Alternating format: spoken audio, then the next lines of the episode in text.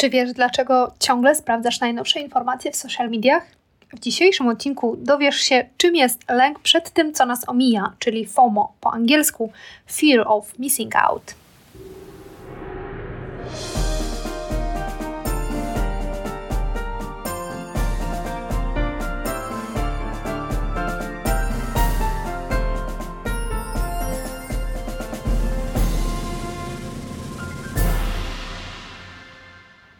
Tydzień temu podjęłam decyzję o tym, że wyłączam się z mediów społecznościowych na jakiś czas. E, decyzja ta była podyktowana tym, że wiedziałam, jak będzie wyglądać teraz świat e, mediów społecznościowych i po prostu nie chciałam się na ten widok narażać. Otrzymałam od Was wtedy kilka wiadomości o tym, że także chciałybyście się odciąć, ale że lęk Was już dopadł, że czujecie się tym strasznie przytłoczone, ale jednocześnie nie potraficie mm, się odciąć, ponieważ boicie się, że wtedy dopiero ominą Was ważne informacje e, i że macie takie poczucie, że musicie wiedzieć jak najwięcej, że to jest w tej chwili, to, to poczucie jest teraz dla Was e, najważniejsze i najsilniejsze. Dlatego postanowiłam nagrać podcast o tym, czym jest FOMO, czyli właśnie lęk przed tym, żeby mm, pominąć, żeby nie pominąć czegoś, e, lęk przed tym, by nie zostać w tyle, by nie stracić czegoś, do czego inni będą mieli dostęp. Ten termin FOMO on został wprowadzony do słownika w 2013 roku. Wydaje się więc, że to jest e, taki znak naszych czasów, jakiś taki symptom współczesnego życia.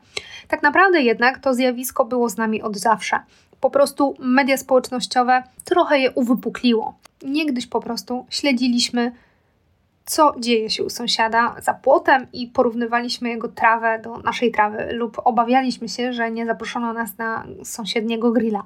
Teraz porównujemy się z całym światem i martwimy się o znacznie więcej grilli. E, FOMO przejawia się w następujących myślach. Po pierwsze, dokonałam złego wyboru. Wybrałam złą restaurację, podjęłam złą decyzję odnośnie tego, w co się ubrałam, e, odnośnie tego, z kim się, nie wiem, spotkałam, jaki jogurt kupiłam.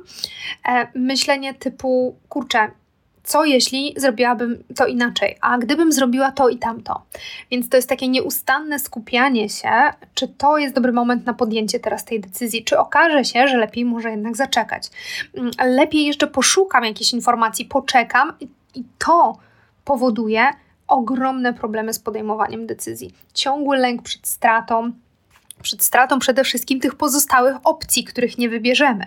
E, lęk też przed tym, że inni nas wyprzedzą, że oni się dowiedzą więcej i dzięki temu podejmą lepszą decyzję, wybiorą jakąś lepszą rzecz niż my że my przegramy trochę w, tym, w tej grze. E, w obecnym momencie kryzysu może się to przeradzać w lęk, że na przykład powinniśmy podjąć jakąś decyzję o ucieczce, e, że może jednak powinniśmy teraz na przykład wybierać gotówkę z bankomatu. Mm, więc jest taki paniczny pęd do tego, żeby szukać tych informacji, żeby upewnić się, że podejmiemy dobrą decyzję, że decyzja o tym, co robić w tym kryzysie, będzie, będzie dobra. I tak naprawdę tutaj nie ma dobrych decyzji, i też mówi się, że w kryzysie najlepsze, co można robić, to, to czekać. Natomiast to jest pewnie na inny podcast e, temat. Więc to jest ten pierwszy przejaw FOMO, czyli właśnie ten lęk przed złym wyborem i co za tym idzie, wieczne poszukiwanie jakichś informacji, żeby sobie w tym wyborze pomóc. I drugim myśleniem, które mm, występuje w FOMO, to jest myślenie inni bawią się doskonale, ale beze mnie. I to jest lęk przed tym, że ktoś nas pominął. Niekoniecznie celowo, ale jednak mamy takie poczucie, że ktoś inny ma dostęp, na przykład do jakiejś nowej, no, super akcji, dostęp, nie wiem, do memów w internecie, e, do jakiejś promocji, e, a my jesteśmy z tych fajnych wydarzeń, tak, czy z tych fajnych rzeczy wykluczeni. Co powoduje często kolejną myśl: jestem nieudacznikiem, jestem przegrywem. No bo skoro inni potrafili znaleźć, powinni, potrafili dostać się tam do tej akcji, tak, do, na to wydarzenie. Oni wiedzieli, e, że będzie jakiś darmowy, ciekawy webinar, że będzie właśnie jakaś wyjątkowa promocja, ale ja nie i ja to przegapiłam, to znaczy, że jestem gorsza, to znaczy, że no ja tego nie ogarnęłam, a inni tak. Więc muszę być na bieżąco, żeby mnie to nie ominęło, żebym nie czuła się gorsza, a wręcz żebym miała to poczucie, że mogę poczuć się trochę lepsza, na przykład kiedy ja coś będę wiedzieć pierwsza. I to są takie dwa aspekty, w których to, to FOMO najbardziej, mm, te, te dwa myślenia, które są takie najczęstsze właśnie przy tym, e, przy tym zjawisku. No jaka jest z tego przyczyna? No niestety badania pokazują, że FOMO nie tylko nie jest dla nas dobre, e, jako, jako mechanizm, tak, jako zjawisko, nie jest dobre dla naszej psychiki, ale także, że jest e, wynikiem braku poczucia szczęścia w naszym życiu. Osoby, które mają niższy poziom zaspokojenia podstawowych potrzeb w zakresie trzech obszarów. To jest obszar poczucia kompetencji, obszar dokonywania znaczących wyborów oraz obszar więzi z innymi. Jeśli w tych obszarach, bądź wszystkich, bądź w jednym z nich, mm, właśnie mm, no, ten obszar nie jest u ciebie zbyt wysoko, to wtedy e, rzeczywiście występuje wyższa tendencja do tego, żeby mieć wyższy poziom lęku przed stratą. Chcąc zaspokoić ten lęk, przeglądamy Facebooka, żeby upewnić się, czy inni mają się lepiej czy gorzej od nas. I żeby nie dopuścić do tego, że ktoś inny będzie wiedział coś, czego my nie będziemy wiedzieli, no i przez to wypadniemy z obiegu lub podejmiemy złą decyzję. To powoduje, że musimy sprawdzać media społecznościowe, zanim jeszcze wyjmiemy śpiochy z oczu, mm, tuż przed snem, no jak i w trakcie posiłku z rodziną. Myślimy, że to, co robimy, to robimy po to, żeby poczuć się lepiej trochę dopaminki od informacji, e, no, że dzięki temu będziemy wiedzieć więcej, więc będziemy też czuli się bezpieczniej. A tylko jakoś okazuje się, że to przynosi jedynie chwilową ulgę, ponieważ w dłuższej perspektywie czujemy się zdecydowanie gorzej. A dlaczego gorzej? Po pierwsze, mimo iż wiemy, że media społecznościowe nie pokazują rzeczywistości jeden do jeden, to trudno jest nam odciąć się od tego porównywania z kreowanymi ideałami w social mediach. I to może bardzo mocno nadwyrężać naszą samoocenę i nasz nastrój. Co więcej, nakręcamy się, że ktoś wstawia coś, jakieś zdjęcie, tak, chwali się, czym, e, chwali się czymś e, i my mamy potrzebę rewanżu, no, żeby się poczuć trochę lepiej, że, że my też, więc i my prze, mm, przekłamujemy jakieś, jakieś swoje publikacje, jakieś swoje treści, które są przekolorowywane. Za każdym razem, gdy tak się robi, no to nakręca się tylko ta spirala. Dlatego tak ważne jest pokazywanie normalnego życia w socialach, ale też nieustanna świadomość tego, że to, co widzimy, to jest po prostu wierzchołek góry lodowej. To nie jest jakby jeden do jednego prawdziwe życie. Po drugie, mylimy proporcje informacji pokazywanych w mediach społecznościowych z proporcjami w życiu. Zapominamy, że negatywne wiadomości klikają się lepiej, że łatwiej się rozprzestrzeniają niż te dobre, więc ulegamy złudzeniu, że dzieje się dużo gorzej niż w rzeczywistości. To rzecz jasna także negatywnie wpływa na poziom lęku. No i zdecydowanie obniża nasz nastrój. Polecam Wam tutaj bardzo mocno książkę profesora Hansa Roslinga.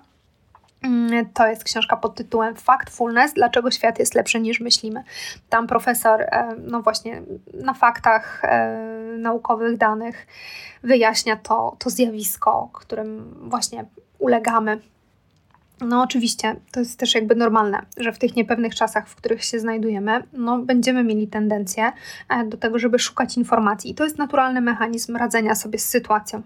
Ale uporczywe poszukiwanie negatywnych informacji ma swoją nazwę nawet, nazywa się doom scrolling. E, no i to w badaniach udowodniono, że ma bardzo negatywne skutki dla naszego zdrowia psychicznego.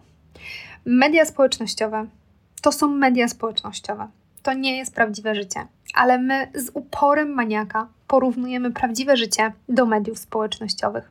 Montesquieu, pewnie pamiętacie go ze szkoły z trójpodziału władzy, powiedział kiedyś, kiedyś, dawno temu, że jeśli ktoś chciałby być po prostu szczęśliwy, to jest to łatwo osiągnąć. Ale my chcemy być szczęśliwsi niż inni ludzie. A to jest dużo trudniejsze, ponieważ wierzymy, że inni są szczęśliwsi niż są.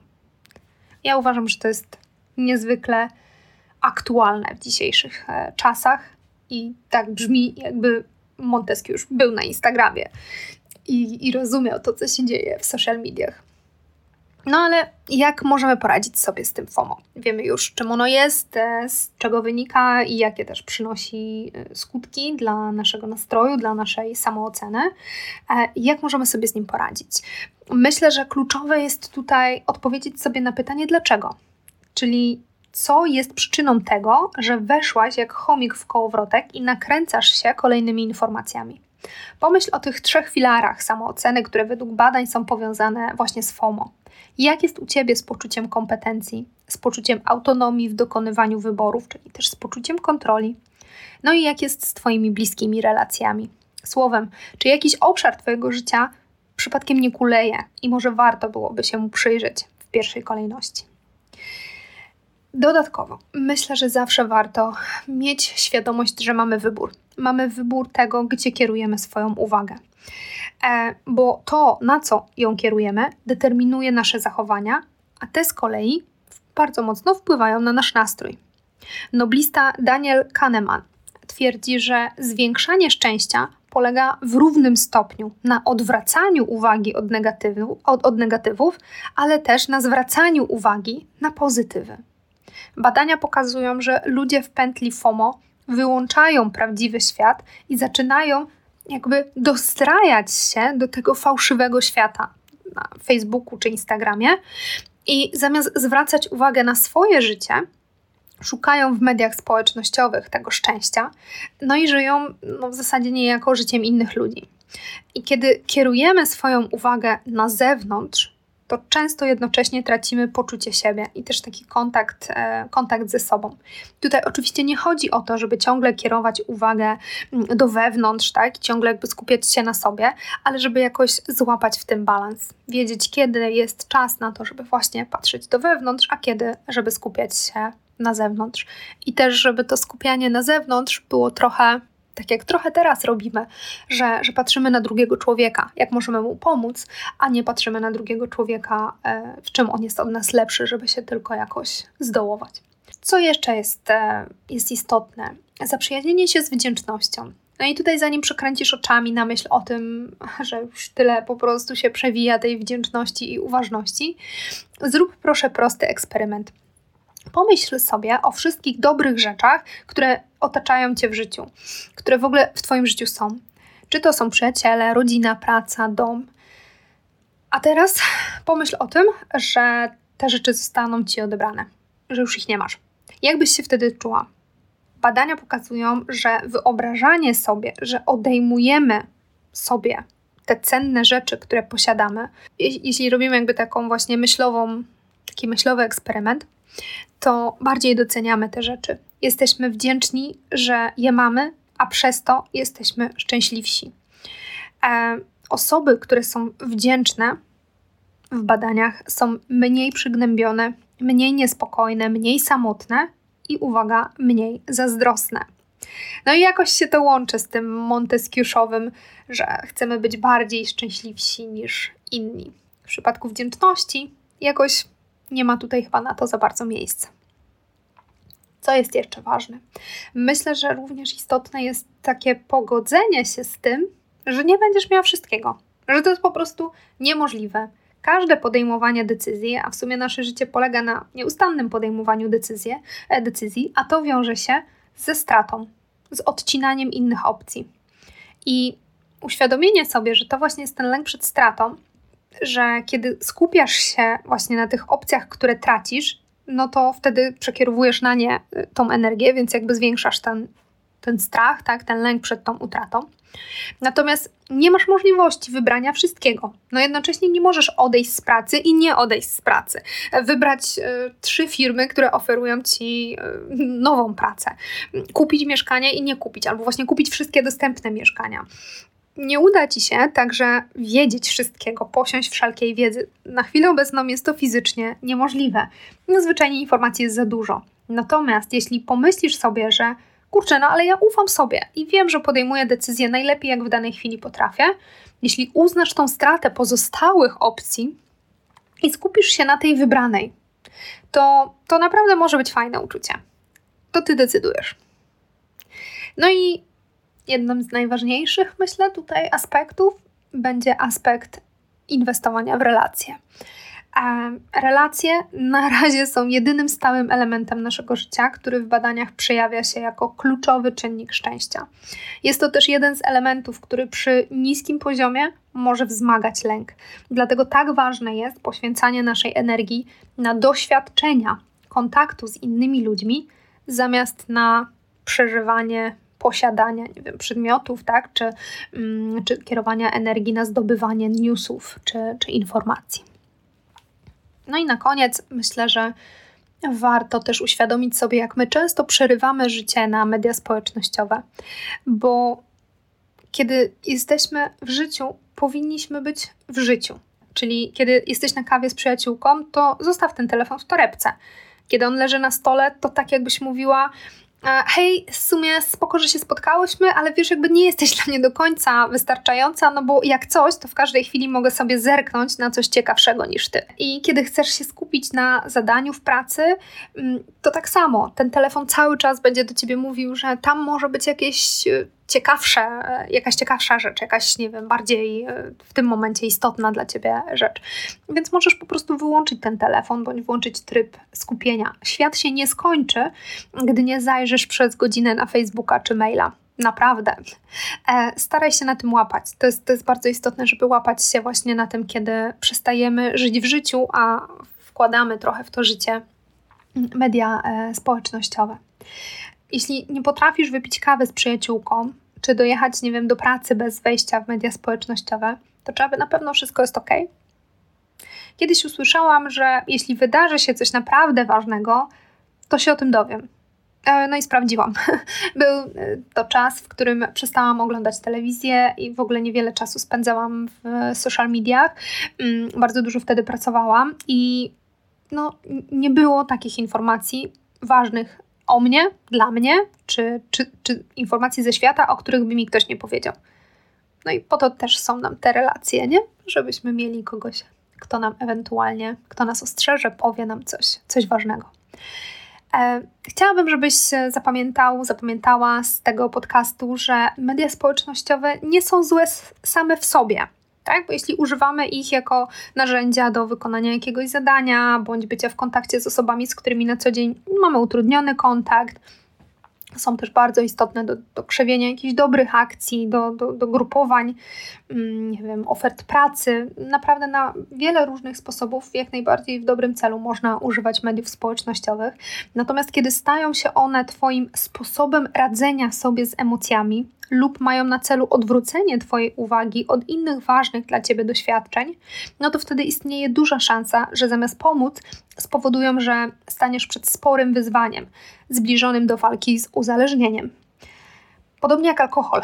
Kiedy pijesz drinka na urodzinach, na imprezie, no to jest ok, ale kiedy alkohol pojawia się jako metoda regulacji emocji, no to jesteś na dobrej drodze do kłopotów. Są oczywiście sposoby typu e, wyrzucenie aplikacji na koniec telefonu, żeby nie mieć do nich łatwego dostępu, usuwanie w ogóle tych aplikacji na przykład na jakiś czas, albo ustawianie wygaszacza ekranu przypominającego, że właśnie teraz walczysz z FOMO bądź na przykład, e, nie wiem, wskazanie, że jakąś konkretną porę dnia tutaj przeznaczamy na przeglądanie sociali albo w ogóle nie używamy ich w weekend. E, pomysłów jest wiele, są nawet jakieś aplikacje, które pomagają e, w takim balansie.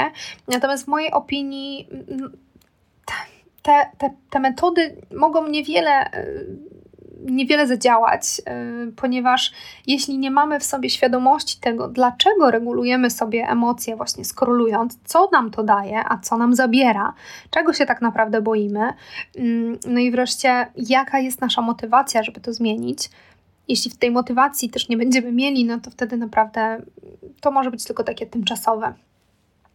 Życzę Tobie powodzenia i wierzę, że te trudne, kryzysowe czasy pozwolą nam wszystkim właśnie bardziej dbać o relacje i być bardziej obecnym w naszym życiu. Zajrzyj też na moją stronę internetową nataliasadownik.pl, na której będziesz mogła pobrać prezent do tego odcinka. Link znajdziesz oczywiście w opisie. No i jeszcze ciekawostka na koniec. Ostatnio oglądałam film Uncharted. E, dowiedziałam się z niego, że to nie Magellan ukończył podróż dookoła świata, ponieważ zmarł w jej trakcie w trakcie tego rejsu. E, no i że tak naprawdę dokończył to Juan Sebastian Elcanto. Ja lubię bardzo takie ciekawostki, ponieważ one pokazują nam, jak myślimy, że coś e, wiemy, podczas gdy ta wiedza jest albo bardziej ogólna, albo czasem niekoniecznie w 100%, albo w ogóle jest zupełnie błędna. Mm, I to tylko potwierdza, że zawsze warto być otwartym i nie przywiązywać się tak do zdobywanych informacji jako do takich prawd objawionych. Myślę, że to jest też bardzo ważne. Wydaje się to być bardzo cenną umiejętnością w obecnych czasach. Miłego dnia.